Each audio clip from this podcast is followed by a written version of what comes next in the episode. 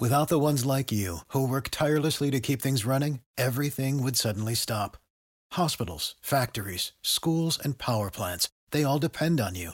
No matter the weather, emergency, or time of day, you're the ones who get it done. At Granger, we're here for you with professional grade industrial supplies.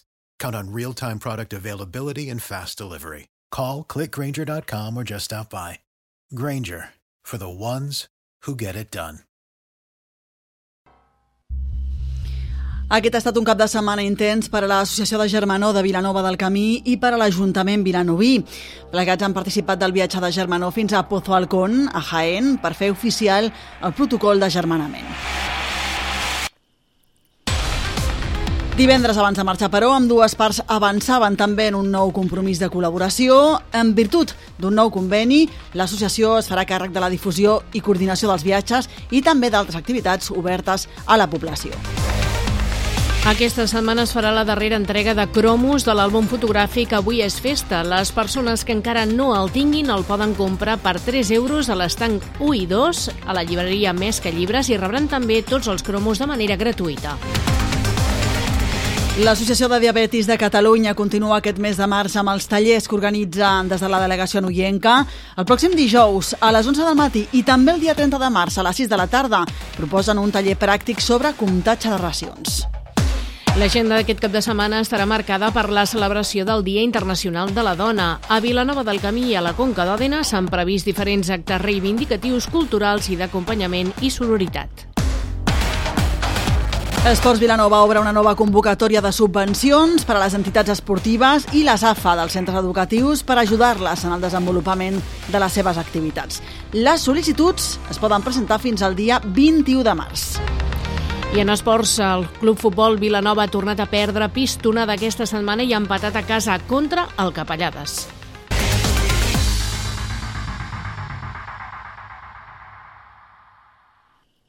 Aquest ha estat un cap de setmana intens per a l'Associació de Germanó de Vilanova del Camí i per a l'Ajuntament vilanoví.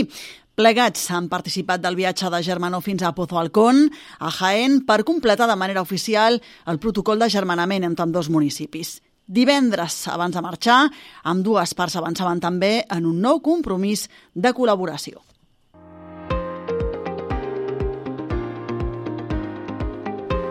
L'alcaldessa Noemí Trucharte i el president de l'Associació de Germanó, Juan Romero, acompanyats de la regidora de Germanament, Susana Gutiérrez, signaven el conveni per a 2023.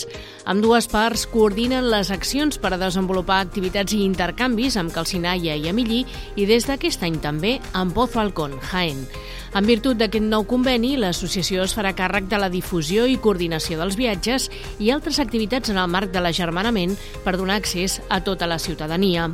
Entre els compromisos adquirits per l'entitat també s'inclou l'organització de la mostra fotogràfica itinerant Colors d'Europa, que es comparteix amb els municipis agermanats sobre festes, tradicions o costums i que permet conèixer diferents punts de vista sobre un mateix tema.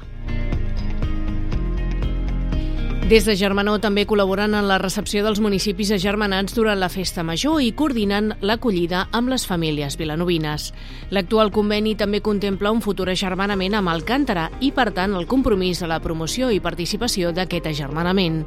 En compensació, l'Ajuntament de Vilanova del Camí ha atorgat a l'Associació de Germanó una subvenció anual de 4.000 euros per fer front a les despeses associades a aquests actes.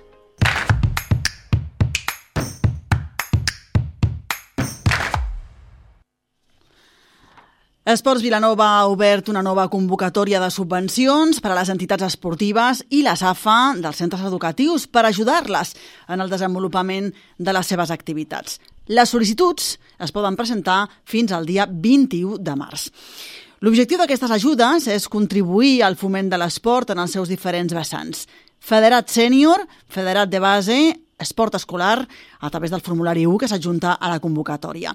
Aquelles entitats que tinguin previst organitzar activitats puntuals de rellevància poden presentar també el formulari 2, en aquest cas.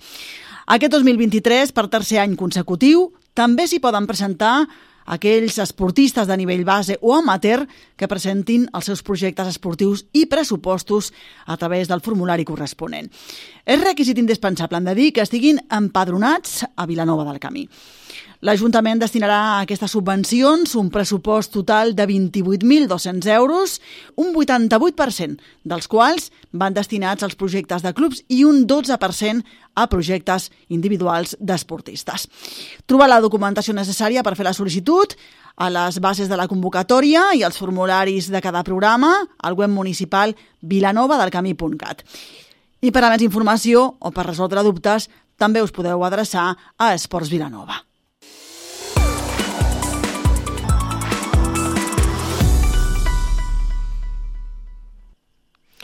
Aquesta setmana es farà la darrera entrega de cromos de l'àlbum fotogràfic Avui és festa, memòria gràfica, cultural, festiva i familiar de Vilanova del Camí 1939-1975. Les persones que encara no tinguin l'àlbum el poden comprar per 3 euros a l'estanc 1 i 2 i a la llibreria Més que Llibres i amb la seva compra rebran també tots els cromos de manera gratuïta. L'àlbum Avui és festa ha estat un projecte impulsat des de la Regidoria de Cultura amb la voluntat de recuperar recuperar una part de la memòria històrica del municipi. La iniciativa ha comptat amb la col·laboració i la complicitat d'una trentena de famílies que s'ha dit imatges inèdites dels àlbums familiars. La publicació segueix el pas del calendari festiu de l'any i compta amb imatges tan curioses com les d'una matança del porc, la primera arribada dels Reis d'Orient a Vilanova del Camí o les desaparegudes festes de la plaça Major. La col·lecció d'imatges seleccionades fan d'aquesta publicació una eina molt interessant tant per infants com per al públic en general. L'Associació de Diabetis de Catalunya continua aquest mes de març amb els tallers que organitza des de la delegació de la Noia. En tenen dos previstos, oberts a la població interessada i també als professionals i cuidadors amb la intenció d'ajudar a les persones que conviuen amb la diabetis. El pròxim dijous, a les 11 del matí, i també el dia 30 de març, a les 6 de la tarda, proposen un nou taller pràctic sobre comptatge de racions.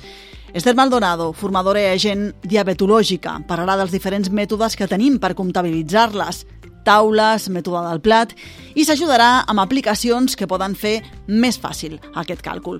També ensenyarà les claus per interpretar i comptar les racions de les etiquetes i com fer-ho a partir de les receptes casolanes. Aquest taller, com dèiem, està previst fer-lo mensualment el segon dijous, que és aquest dijous, a les 11 del matí, i també l'últim dijous de mes, a les 6 de la tarda. Es faran al Centre Cívic Nord d'Igualada. I d'altra banda, el dia 23 de març, a les 6 de la tarda, també fan un altre taller al Centre Cívic Nord. En aquest eh, cas, l'Aurea Roget Raquena, delegada comercial d'Avot, farà el taller Anem a treure-li profit al sistema Freestyle Libre, amb un recordatori del maneig dels sensors. Explorarà els informes i resoldrà incidències. Per a participar d'aquestes dues activitats cal inscripció a adc.cat. Per a qualsevol informació addicional o dubte, us podeu dirigir també a adcanoia.adc.cat o al telèfon 656 69 5601 en horari de tardes de 4 a 8, excepte els dimarts, que serà de 6 a 8 de la tarda.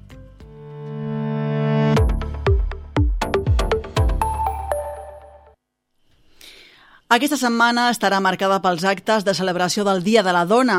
A Vilanova del Camí i a la Conca d'Òdena s'han previst diferents actes reivindicatius, culturals, d'acompanyament i de sororitat. D'una banda, demà comença el taller de defensa personal per a dones que ha organitzat l'àrea d'igualtat vilanovina amb el suport del Club Budocamp Vilanova del Camí. Una proposta que ha tingut molt bona acollida. S'han exaurit totes les places disponibles. Aquest és un dels actes que s'ha incorporat aquest any a l'agenda del 8M de l'Amicot, una agenda que aquest dimecres culmina amb la commemoració del Dia Internacional de la Dona, amb la lectura del manifest a diferents municipis i altres actes reivindicatius complementaris. A Vilanova del Camí, la lectura del manifest està programada a partir de tres quarts de cinc de la tarda a la plaça del Mercat. A continuació es farà una masterclass de Zumba a càrrec de David Ubiols. A més a més, a partir de les 6 de la tarda, a la Biblioteca de Vilanova del Camí s'ha programat una hora del conte, amb contes feministes a càrrec de Mònica Torra. Serà per a públic infantil a partir dels 6 anys Cal fer, però, inscripció trucant a la biblioteca. I d'altra banda, la Unió Cultural Extremenya Noia ha preparat també una xerrada per aquest dissabte 11 de març a la seu social de l'entitat a partir de les 6 de la tarda. Ja és habitual que l'entitat celebri el 8M amb algun acte. Aquest dissabte tornaran a comptar amb la psicòloga Verónica Mezcua per parlar d'igualtat i per avançar cap a una societat lliure de violències masclistes. També comptaran amb la intervenció de la caporala de la policia local de Vilanova del Camí.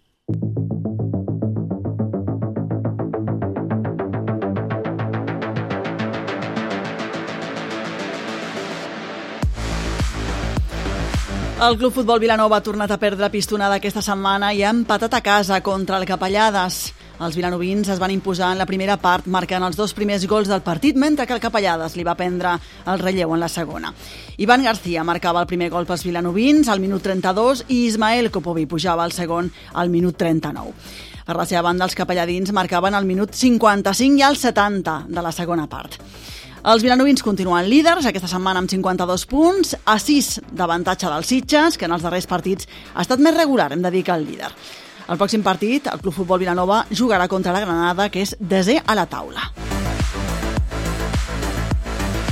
I d'altra banda, el Club Esportiu Anoia ha perdut contra la Múnia. Els tres gols del partit van arribar molt avançada la segona part i el desenllaç gairebé al final de l'encontre que semblava que el partit quedaria en taules.